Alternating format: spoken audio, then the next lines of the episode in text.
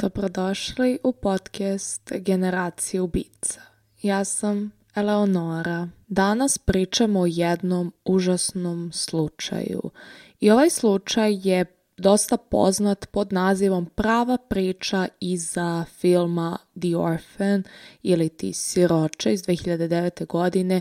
Verujem da je dosta vas odgledalo film s obzirom da jeste jako popularan film i izašao je pre skoro 15 godina, tako da sam želala da pričam o ovom slučaju koji je u neku ruku inspirisao film i ima dosta sličnosti, tako da ću malo da vas upoznam sa radnjom filma i e, koje su to neke stvari koje poziše na ovaj slučaj i onda ćemo pričati o slučaju i svemu što se dešava i gde su danas ovi ljudi. Usvajanje je jedna jako velika veliko delo nešto najhumanije što bilo ko može da uradi i mislim da je usvajanje podržavano od e, skoro svih religija, zakona i skoro svi će uvek podržavati usvajanje.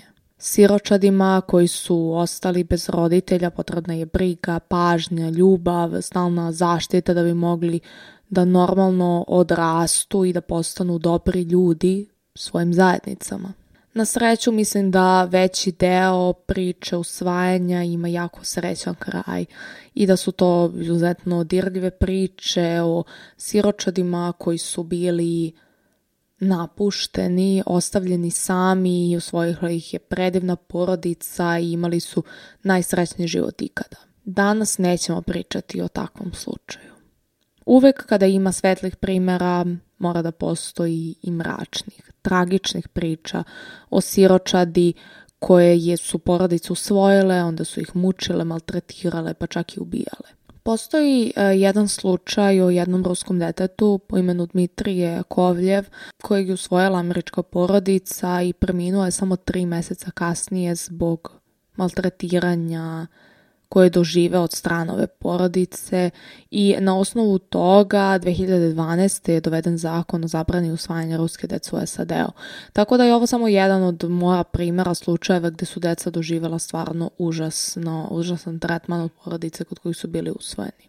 Međutim, u nekim slučajevima žrtve budu porodice koje su usvojile dete. Takav je i današnji slučaj o kome ćemo pričati, uskoro ćete saznati o čemu se radi. Siroče ili The Orphan 2009. godine e, se smatra psihološkim horror filmom i on je generalno prošao ok kod kritičara, ali mislim da se publici više dopao. Iskreno, ja sam ga gledao još pre ne znam, dosta godina kada sam bila u srednjoj školi i film je bio jako jeziv i tako mi je ostao u sećanju kao jedan jeziv film koji se odigrao dosta drugačije nego što je bilo ko mislio da će se odigrati, mislim, barem ja.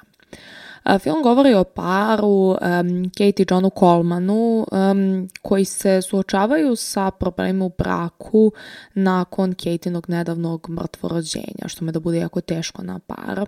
Tako da oni pokušavaju da poprave svoj brak time što će usvojiti dete. Posetili su lokalno sirotište i odlučili da usvoje devetogodišnju ruskinju po imenu Ester. Njena prošlost je jako misteriozna, ali je izgledala jako bespomoćno, lepo, kao jedna mila devojčica. Osvojila je simpatije para i e, takođe njihove gluve čerke Max, dok je njihov sin Daniel delovao manje gostoprimljivo. Nije trebalo da prođe dugo vremena da Kate počne da sumnja u Esterin identitet i činilo se da e, njeni postupci i njen način razmišljanja nisu odgovarali njenim godinama. Kao da se ponašala i razmišljala kao odrasla osoba, ne kao dete. Ovo navodi Kate da krene da istraži Esterinu prošlost. Međutim, ono što je kasnije saznala bilo šokantno i zastrašujuće. Devojčica koja bi trebala da ima 9 godina zapravo je bila 33-godišnja žena po imenu Lina Klamer. Rođena sa um, hormonskim poremećajem zvanim hipopituitarizam koji usporio njen fizički rast. Takođe je imala mislim, psihičke probleme um, zbog kojih je celog njenog života uspela da se predstavi kao devojčica. I ona je to radila kako bi naterala ljude da ju usvoje i uvek je imala za cilj da zavede muža u porodici u kojoj je usvojena. U stvari ona je serijski ubica, koju je ubila najmanje sedam ljudi. Prethodna porodica koju je usvojila je ubijena jer je otac otpio njene seksualne napore. Ester je upala u napad ludila nakon što nije uspela da zavede Johna, Katinog muža, i um, ovo razuskrivanje njenog pravog identiteta i njene prošlosti od strane Kate je prouzrokovalo time da Ester odluči da želi da ubije celu porodicu i to nas dovodi do um, da kažemo vrhunca ovog filma gde se oročena nasilna borba e, desila između Ester i porodice što se završilo Esterinom smrću nakon krvave borbe sa Kate oko zaleđenog jezera. Ono što se postavlja kao veliko pitanje jeste da li je ovo istinita priča, da li se ovo stvarno desilo. I ne, ova priča nije istinita, mislim priča iz filma. Film nije rađen po istinitom događaju, ali slučaj o kome ćemo danas pričati je definitivno inspirisao ovaj slučaj. Ester definitivno ne postoji, um, tako da ovo nije prava priča iza filma, već samo um, slučaj koji dosta podsjeća na radnju filmu. Danas pričamo o slučaju Maureva porodice. Moguće je da ste već upoznati s ovim slučajem, s obzirom da ga i ja jesam ranije obrađivala, ali sam želela da uđem malo više u detalje i da probam da malo bolje objasnim ovaj slučaj i da um, napravimo malo diskusiju o tome da li su kazne koje su um, ove žene dobile dobre ili ne. Da počnemo od Klare. Klara Maureova rođena je u Kurimu u Čehoslovačkoj 1985. godine. Kao tineđerka Klara se borila sa depresijom i problemom mentalnog zdravlja i dok je odrastala uvek je mislila da je izabrana da služi misiju koju je odabrao Bog. Njena mlađa sestra Katarina imala isti isto razmišljanje, isti mentalitet kao i njena sestra i obe su uvek zajedno planirale velike stvari za budućnost. Sa 20 godina Klara je e, studirala na univerzitetu, ali ni u jednom trenutku nije uspela da se oslobodi tih svojih e, pseudoreligijskih fiksacija. Kada je konačno uspela da se osamostali, počela je da živi sa muškarcem koji je upoznala i zatrudnila sa svojim prvim detetom. U tom braku Klara je rodila dvoje dece, dva dečaka, Ondreja i Jakuba. Zbog Klarinog nasilnog i nenormalnog, nezdravog ponašanja brak nije dugo potrajao. Posle ovog rastanka, razvoda, Klara je ostala sama sa decom. I meni nije jasno kako moguće da su njoj ostala deca ako očigledno njeno ponašanje koje je bilo nasilno i koje nije bilo normalno ponašanje izazvalo uopšte do razvoda, zašto su deca ostala sa njom, ali izgleda to nećemo nikada ni saznati. Uprko svojoj ekscentričnosti, Klara je zapravo bila dobra majka i deca su i bila na prvom mestu. Provodila je dosta vremena sa svojim decom, volela ih je, brinula se o njima, međutim samoća ju je obuzimala. Bila je previše sama i samo sa svojim decom. Tako da je želela da provodi više vremena sa svojom sestrom, Katarinom, njenom mlađom sestrom i um, njih dve su se dogovorile da će krenuti da žive zajedno, tako da je Klara sa svojim decom otišla kod Katarine. U ovom trenutku i Klara i Katarina su u svojim ranim 30. godinama, dok su um, Klarina deca, Ondrej ima 8 godina i Jakub 9. Klara je bila diplomirani pedagog, um, takođe je radila na metodu prakse nastave i Katarina je radila u omladinskom centru Paprašek, I kao što kažem, u ovo vreme niko nije sumnjao u Klarinu sposobnost da se stara o svojoj deci i to je verovatno bio razlog zašto su deca ostala kod nje u razvodu sa njenim mužem i očigledno da se ona dobro starala o svojoj deci i da je uvek nalazila pravi način da se brine o njima. Deca su imala jedan jako normalan život, odlazili su na odmore, letnje kampove i sve je delovalo savršeno, ali sve će to promeniti sa dolaskom novog deteta.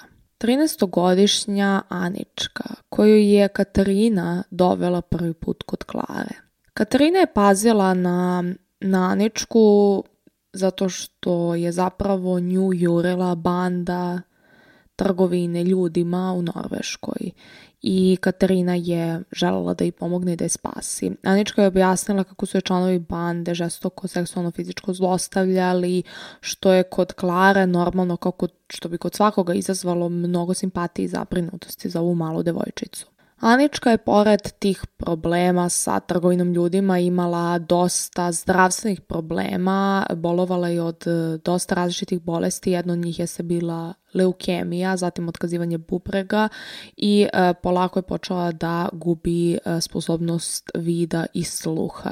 Tako da je imala teško zdravstveno stanje, nalazila se u jako nezgodnom periodu svog života gde je devojčica od 12 godina trebala da se stara o sebi, da se stara o svom zdravstvenom stanju i da u isto vreme beži od ljudi koji su jurili kako bi iskorišćavali na najnezamislivije moguće načine. Veći deo svog vremena morala je da provodi u bolnicama. Klara je u ovom trenutku, kao što sam rekla, se borila sa usamljenošću i generalno su ljudi predstavili kao jako uh, slabu, lakovernu osobu kojem bilo lako manipulisati. Tako da samo ovo saznanje za Aničku i njeno stanje je izazvalo u Klari neku zaštitničku figuru koja je želela da prihvati Aničku u svoju porodicu i to je upravo što je on, upravo ono što je ona i uradila.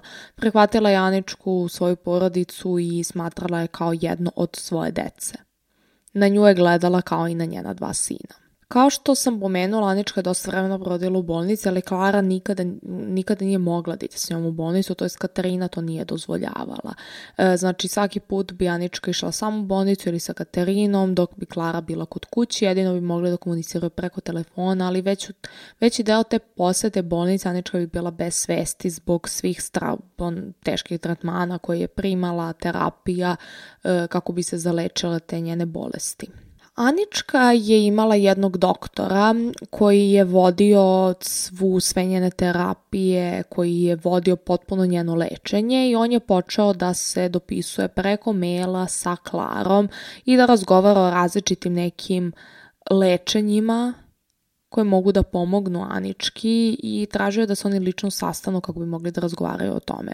Verovatno mi se pomisli da, verovatno su se našli u njegovoj ordinaciji, u bolnici, u kancelariji, Ne, oni su se našli u ponoć u automobilu. Napolju je bilo veoma mračno i Klara nije mogla jasno ni da vidi lice ovog čoveka, ovog doktora. Bez obzira na to, osjećao se prijatno zato što je on imao um, svu Aničkinu medicinsku dokumentaciju i mislila je da nema razloga da veruje da ovaj čovek nije doktor.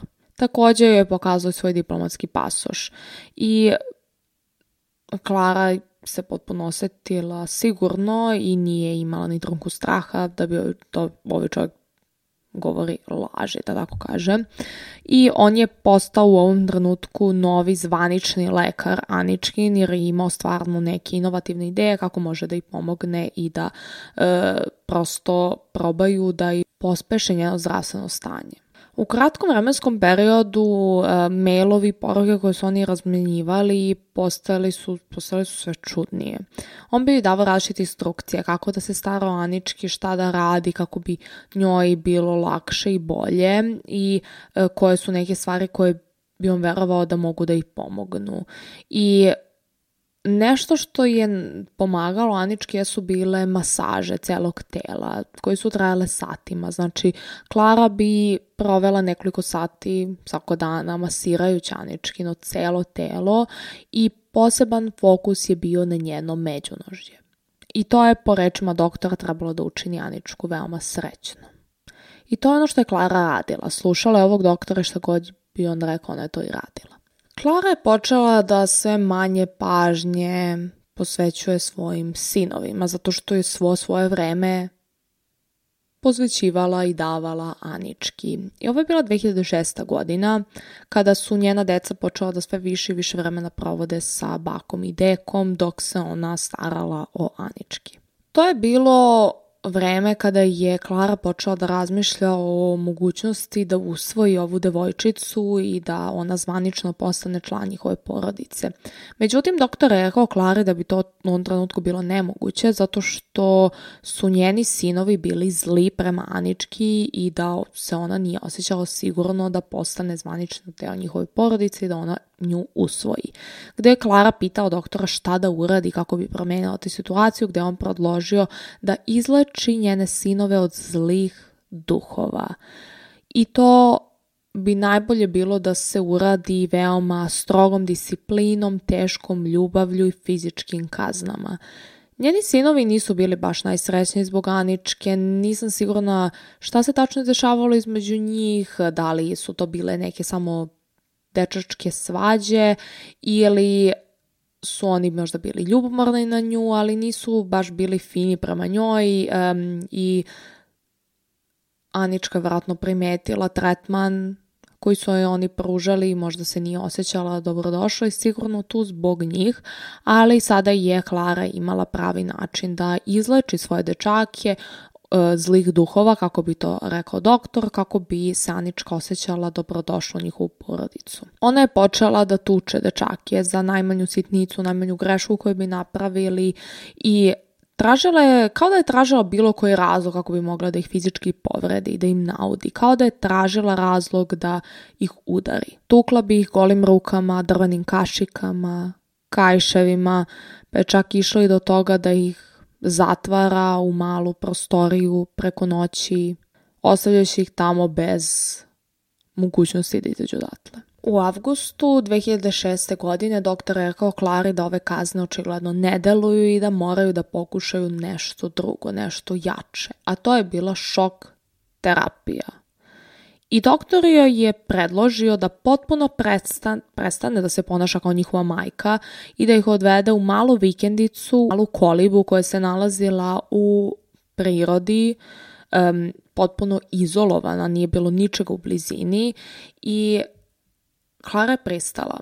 Odvela je dečaki u tu kolibu gde su se susreli sa Katerinom, njenom sestrom i takođe muškarcem koji će kasnije biti otkriven kao Aničkin brat i takođe još dve žene, Janom i Hanom, koje je Klara zapravo znala iz letnje kampa koji je vodila svoje sinove. Ova koliba je mesto gde će početi stvarna tortura ove dece. Ako do sada to nije bila tortura, sada će tek da krene.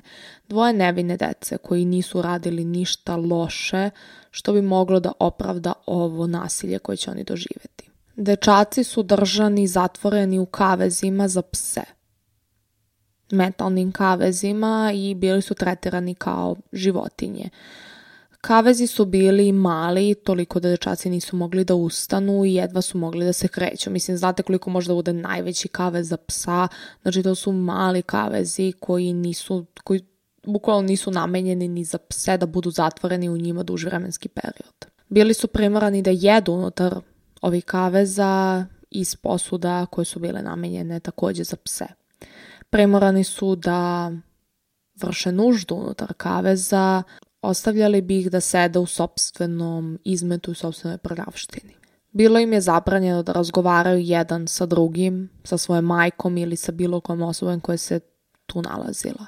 Klara bi im gurala glavu u vodu toliko dugo da su mislili da će se udaviti. Znači, držala bi ih pod vodom do trenutka dok ne krenu da se dave. Dok su im glave bile pod vodom, Katarina bi im držala ruke iza leđa kako ne bi mogli da se brane i da pokušaju da izađu iz vode.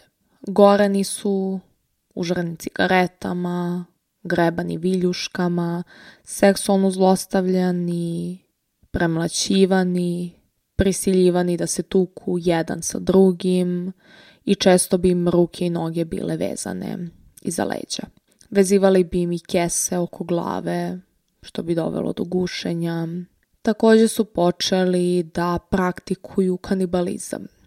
Isekli su deo mesa jednog od dečaka sa njegove zadnjice i onda su taj deo koji su isekli gde je bila, gde je bio mišić, meso, gde nije bilo sloje kože su ponovo palili cigaretama i ne mogu da zamislim kolik je to bol bio. Zatim su naterali dečake da jedu sobstveno meso. Bili su prisiljivani da jedu sobstveno meso.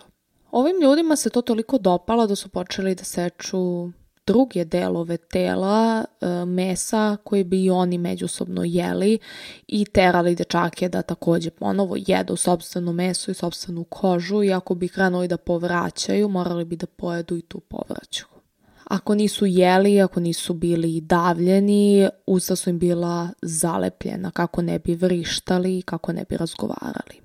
Anička bi još pogoršavala stvari zato što je lagala sve odrasle govoreći da su i dečaci i dalje zli prema njoj i znala je da će biti još povređeni i da će ovo maltretiranje da se nastavi i ona je uspešila nastavljanje tog maltretiranja. Grupa bi se takođe pretvarala da zlostavljaju Aničku, iako to nije bila istina, kako dečaci ne bi pomislili da samo oni doživljavaju ovo nasilje i ovo zlostavljanje je trajalo 8 dana pre nego što su mogli da se vrate kući.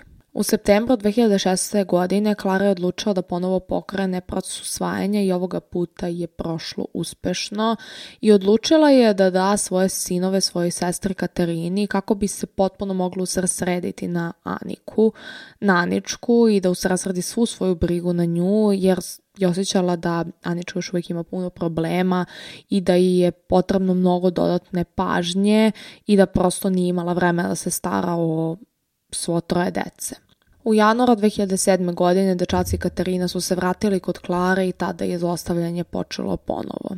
Dečaci su sada u kući ponovo tretirani isto kao kada su bili u kolibi, ali su ovoga puta bili držav, držani zatvoreni u podrumu, gde je svaki trenutak bio snimljen. U ovo isto vreme Anička je bila u svojoj spavaćoj sobi koja je bila puna sunčeve svetlosti, puna boja, igračaka i Anička je bila jedno presrećno dete. Dečaci su podromo bili zatvoreni oko godinu dana. Pomenula sam da su de, da je ovo zlostavljanje i ovo njihovo zatvaranje u podromu bilo sve snimljeno. Zato što se u podromu nalazila baby cam, to jest monitor kamera koje su uglavnom koristi, uglavnom koriste roditelji kako bi mogli da nadgledaju i snimaju svoje, svoju decu, svoje bebe e, iz druge prostore, znači imate dva monitora i onda možete preko bluetootha da ih povežete i da vidite šta vaša beba radi.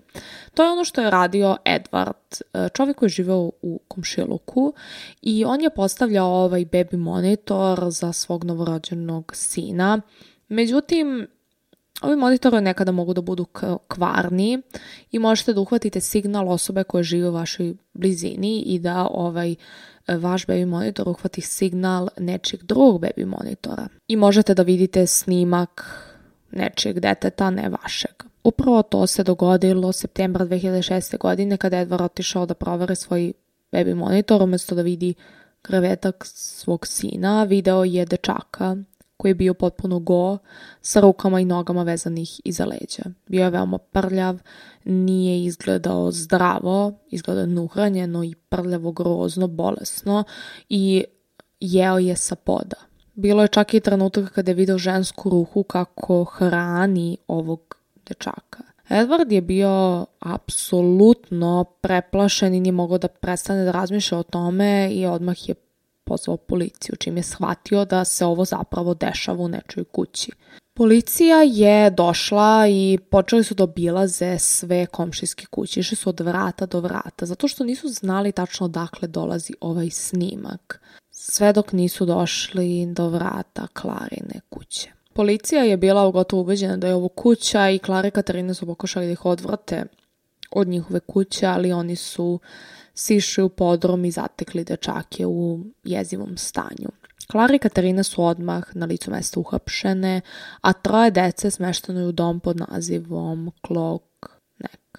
Ubrzo nakon što su deca prebačena u dom, Anička je nestala pobegla je. I policija je tu krenula sa svojom istragom da probaju da je pronađu i ono što saznaju je nešto što niko nikada nije očekivao. To je da je Anička zapravo nije Anička i da nikada nije ni bila, da je ona 33-godišnja žena po imenu Barbara Skrolova koja je zapravo ima, imala bolest funkcionisanja žlezda zbog koje je izgledala mnogo mlađe nego što je zapravo bila i mogla je da prođe kao 13-godišnja devojčica.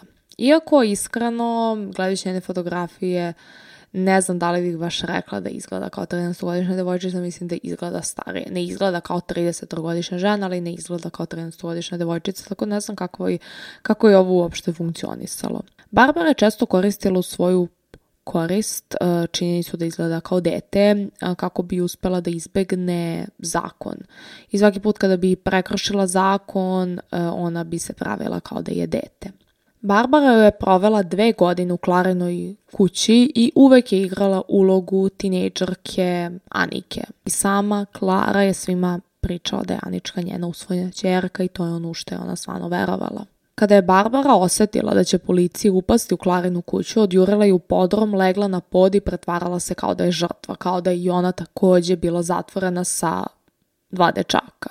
Uspela je jako lako da ih prevari. Stajala je ispred uh, kaveza i držala u ruci plišanog medu. I kada se agent pojavio, ona je otrčala i skočila mu pravo u zagrljaj.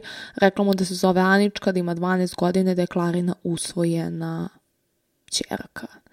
Kada je agent izveo odatle kako bi je odveo u dom, Barbara je uočila savršenu priliku da pobegne, zato što je sada uzeta kao žrtva, ne kao prestupnik i na putu ka dečijem centru rešila je da mora da nestane i pobegne pre nego što stignu do centra, jer odatle onda neće moći da to izvede.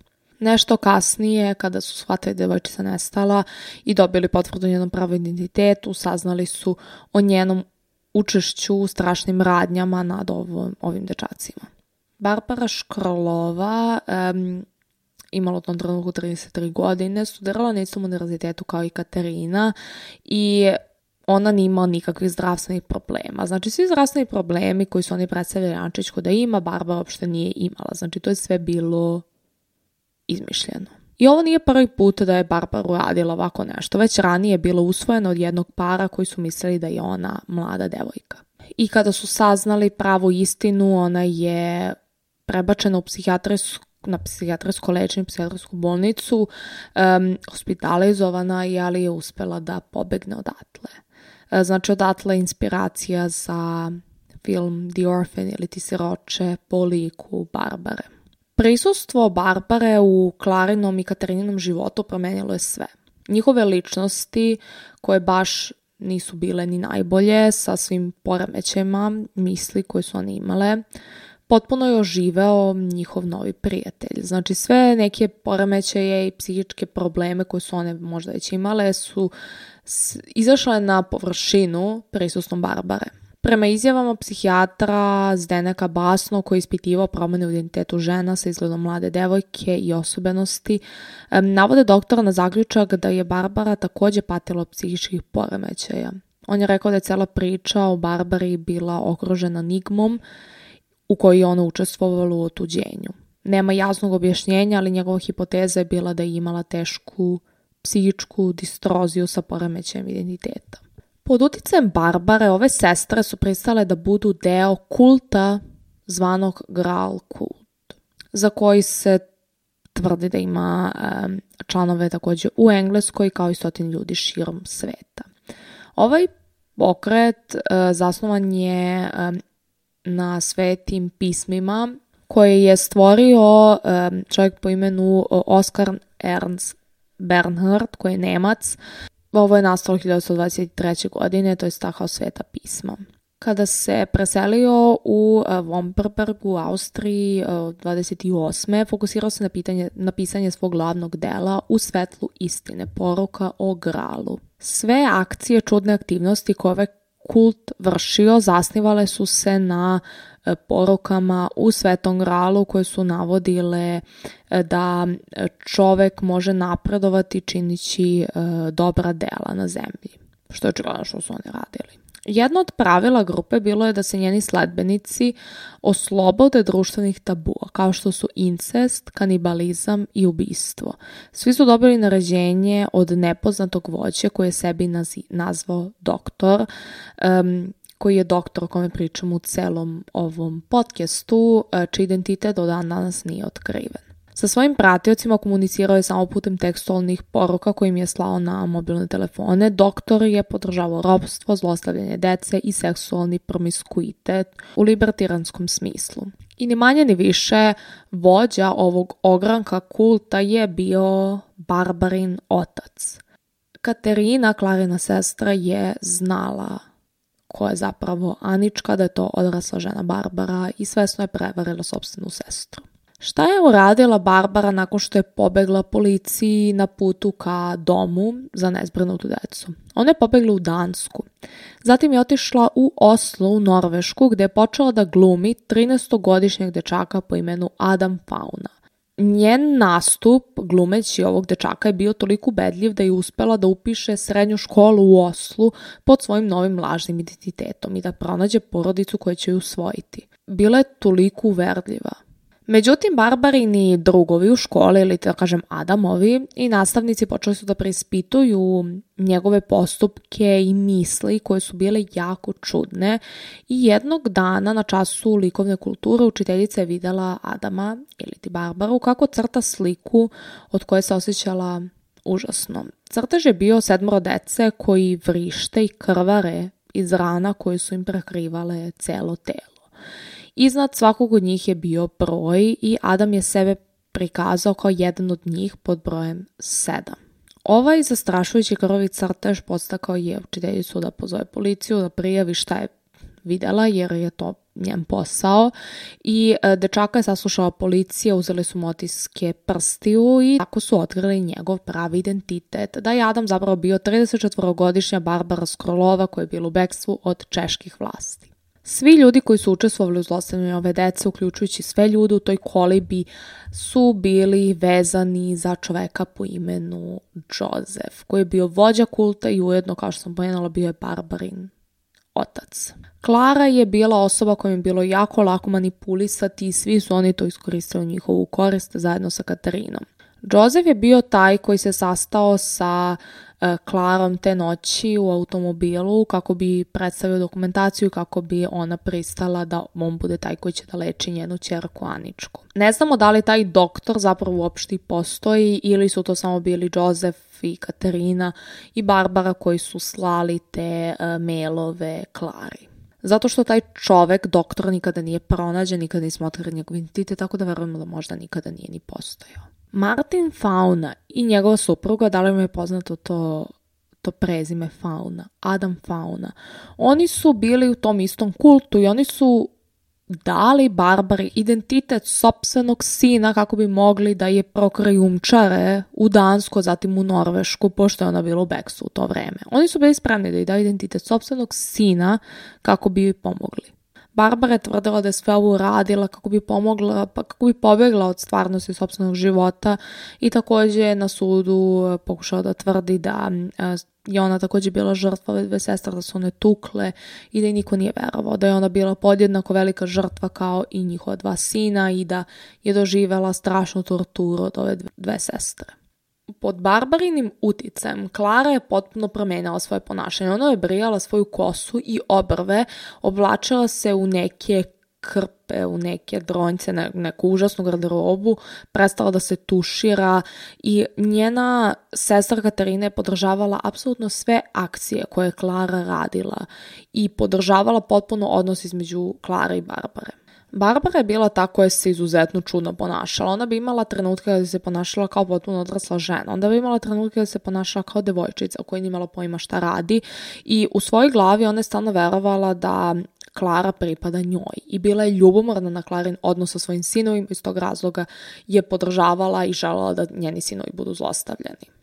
Počela je da puni Klare, Klare glavu optužbama na račun dece, rekla da njihovo ponašanje nije normalno, da ih zbog toga treba kazniti. Optužila ih je da su počinili nestašlok i uništili sve što su imali. Um, u sve optuže ispiranje mozga koje je Barbara vršila nad Klarom, Klara je pristala da kazni sobstvenu decu. Ovo je već, mislim, bilo sve isplanirano. Barbara već sve isplanirala unapred i preuzela potpunu kontrolu nad čitavom situacijom um, kako bi razradila svoj užasan ludi plan. Barbara je bila glavni lik u celoj priči. Ono što se postavlja, mislim, iz moje neke perspektive kao pitanje jeste koliko je um, Katerina bila vodič, a koliko je bila takođe manipulisan od strane Barbare i um, njenog oca i ostatka kulta. Ovo zlostavljanje koji su dečaci pretrpeli je bilo strašno i neverovatno da se ovako nešto stvarno dešavalo i da su ova deca pretrpela toliko nasilja. Pored toga što su bili maltretirani e, fizički, psihički, seksualno zlostavljani, izgladnjivani, onda prejedeni. oni su sekli delo njihove tela, njihovog mesa i onda ih terali da to jedu i oni takođe to jeli. 10. maja 2007. godine su one zapravo uhapšene. Mislim da sam malo propomenula 2006. ali um, je bilo 2007. godine. Um, kao što sam rekla, Klara i Katarina su pokušali da spreče e, policajce da uopšte uđu u podrum gde su se deca nalazila. I ono što su policajci imali da kažu jeste da nisu mogli da veruju šta vide, da izgledalo kao scena iz horror filma, osim što je to bio stvarni život, e, da su osjetili užasan smrad krvi, urina, izmeta i da je taj miris bio nepodnošljiv, e, da je pod bio lepljiv, zidovi prekrveni krvlju i jedan um, dečaka je bio potpuno bez svesti, dok je drugi bio u apsolutnom šoku i da su obojice imali strašne rane i ne mogu da zamislim koliko je dugo trajao njihov oporavak. Barbara je pronađena u Norveškoj uhapšena, osuđena je na pet godina zatvora. Um, veruje se da je razlog za njenu blažu kaznu bio psihički poremećaj koji je očigledno postojao. Istražitelji su uvereni da je ona i sama bila žrtva, ne žrtva ove dve sestre, već žrtva njenog oca i kulta i porodicu u okruženju u kojem je odrasla i da je to razlog um, za njeno ponašanje. Što se tiče Klare i njene sestre Katarine, one su izvedene pred sud i sud ih je pitao zašto su mučile ovo dvoje male dece, ali one nikada nisu dale jasne razloge, nikada nisu navele zašto su to uradile. Prema drugim pripadnicima kulta, razlog za mučenje dece je bio da se slomi njihova volja i učini da budu poslušniji i da se pridržavaju uputstva i načinu života kulta. Klara je osuđena na 9 godina zatvora e, za zlostavljanje svojih sinova Andreja i Jakuba nakon što ih je zatvorilo male kaveze, palila cigaretama, sekla ošnim predmetima i fizički psihički seksualno zlostavljala. Njena sestra Katarina osuđena je na 10 godina za slične optužbe. I one su danas na slobodi. I Barbara i Klara i Katarina.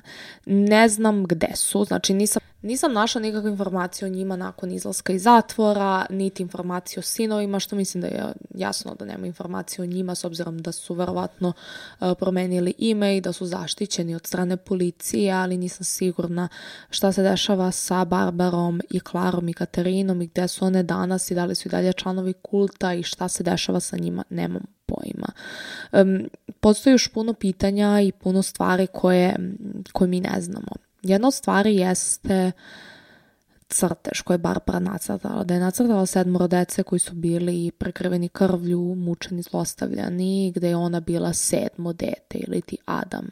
Da li je mislila možda pravom Adama, pošto postoji pravi Adam i ko je to sedmoro dece, da li je to neki znak njihovog kulta, da li su ovo druge žrtve ovih ljudi i da li možda postoji, da li je taj broj sedam, nešto znači u njihovom kultu, da li neko, ne znam ni ja šta sad, žrtvovanje, mislim, može da bude svašta.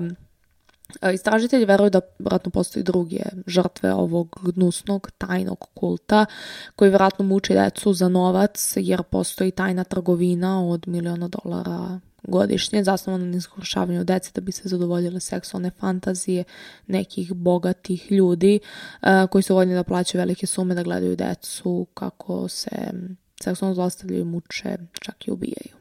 Lik iz filma Siroče Ester je potpuno izmišljen, ali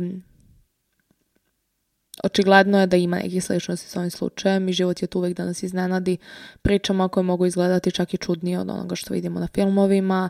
Mislim da nešto što će ovaj slučaj da nas nauči jeste da moramo da budemo mnogo na oprezu, ne samo na sebe i na svoje instinkte i da slušamo sebe i šta, kako se mi osjećamo, već i na ljude oko sebe. ima mnogo ljudi koji su spremni da urade sve kako bi mogli da, da vas prevare. Um, i mnogo je bitno raditi na tome da razvijete sebe kao ličnost, sobstveno samopouzdanje, sobstvenu ličnost do te mere da niko ne može da vas prevari, da niko ne može da vas izmanipuliše, da vas iskoristi, jer koliko je to delovo smiješno, sad ja vam ovo pričam, kao Klara je bila uvedena u to izmanipulisana da maltretira sobstvenu decu, iako je ona bila verovatno već povodljiva za tako nešto, oni su uspjeli to da urade i postoji jako veliki broj ljudi koji pada na ovo, koji pada na ove sekte, kultove i koji uđu u to ne shvatajući gde su ušli i možda u nekom trenutku već bude prekasno. Tako da pazite šta radite, s kakvim ljudima se okružujete, s kakvim ljudima provodite vreme i radite na sebi, na svojoj ličnosti, na svom samopouzdanju, na svom osjećaju intuicije i slušajte svoje osjećaje intuicije ako se osjećate negde nesigurno, ako se ne osjećate prijatno, idite odatle, nemojte da sedite, slušajte sebe i svoje telo i kako ono reaguje i nemojte slepo da verujete ljudima u vašoj okolini koliko god vam ti ljudi bili bliski. Um, gledajte prvo sebe i pokušajte da se zaštitite od ovakvih stvari jer ih nažalost ima previše. I želim samo opet da napomenem da 99,9% slučajeva usvajanja se završi prelepo. Znači ako neko želi da usvoji dete, da ne treba ovaj slučaj konkretno da ga uplaši, da može ovako nešto da vam se desi, jer ovo nije bilo ni normalno usvajanje um, i da je usvojiti dete kao što sam rekla na početku videa, nešto najhumanije što bilo ko od nas može da uradi jeste da pomogne napuštenom detetu jer ih nažalost ima previše. E, to stalno pričam, ali ne trebaju svi da imaju decu i um, mislim da ako želite lepo da se starate o deci, da je možda šlepše da usvojite dete, zato što ima mnogo napuštene dece koji proživljavaju pakao svakoga dana i ako neko, barem jedno dete može da bude usvojeno u normalnu porodicu, to je onda blagoslov. I ne želim da vas ovakve priče, ako možda razmišljate o tome ili ste razmišljali o tome ili razmišljate o tome u budućnosti, ne želim da vas ovakvi slučaj odvrte od toga, zato što kao što kažem 99% usvajanja se završi srećnije od ovoga, definitivno. I ovakve prevare i ovakve stvari se um, jako teško dešavaju, to jest ne dešavaju se toliko često. Hvala vam puno za što ste slušali ovaj podcast. Um, želim da čujem vaše mišljenje. Tako da mi pišite na Instagramu ili u komentarima na YouTubeu šta ste mislili o ovoj epizodi, kako vi objašnjavate ovu, ovaj nivo manipulacije i da li opravdavate ono što je Klara radila zato što je bila manipulisana, da li, da li opravdavate ono što je Barbara radila zbog možda zlostavljanja koje je doživljavala u detinstvu i opet manipulacije i okruženju kako mi je odrastala i gde mislite da su one danas? Da li mislite da su kazne bile dovoljne za ono što su radile i šta mislite da rade danas? Da li mislite da su i dalje deo kulta ili su shvatile da je to bila greška i otišle na drugu stranu i nastavile sa svojim životom? Interesuje me vaše mišljenje, tako da mi pišite. Um, nadam se da vam se ovaj podcast dopao i da ste uživali. Hvala vam puno za što ste ga slušali. Možete da me zapratite na YouTube-u, e, kao i na društvenim mrežama, Instagramu i TikToku. Svuda je sam Eleonora Vojnovski. Um, a mi se vidimo sledeće nedelje sa novom epizodom Generacije ubica. Ciao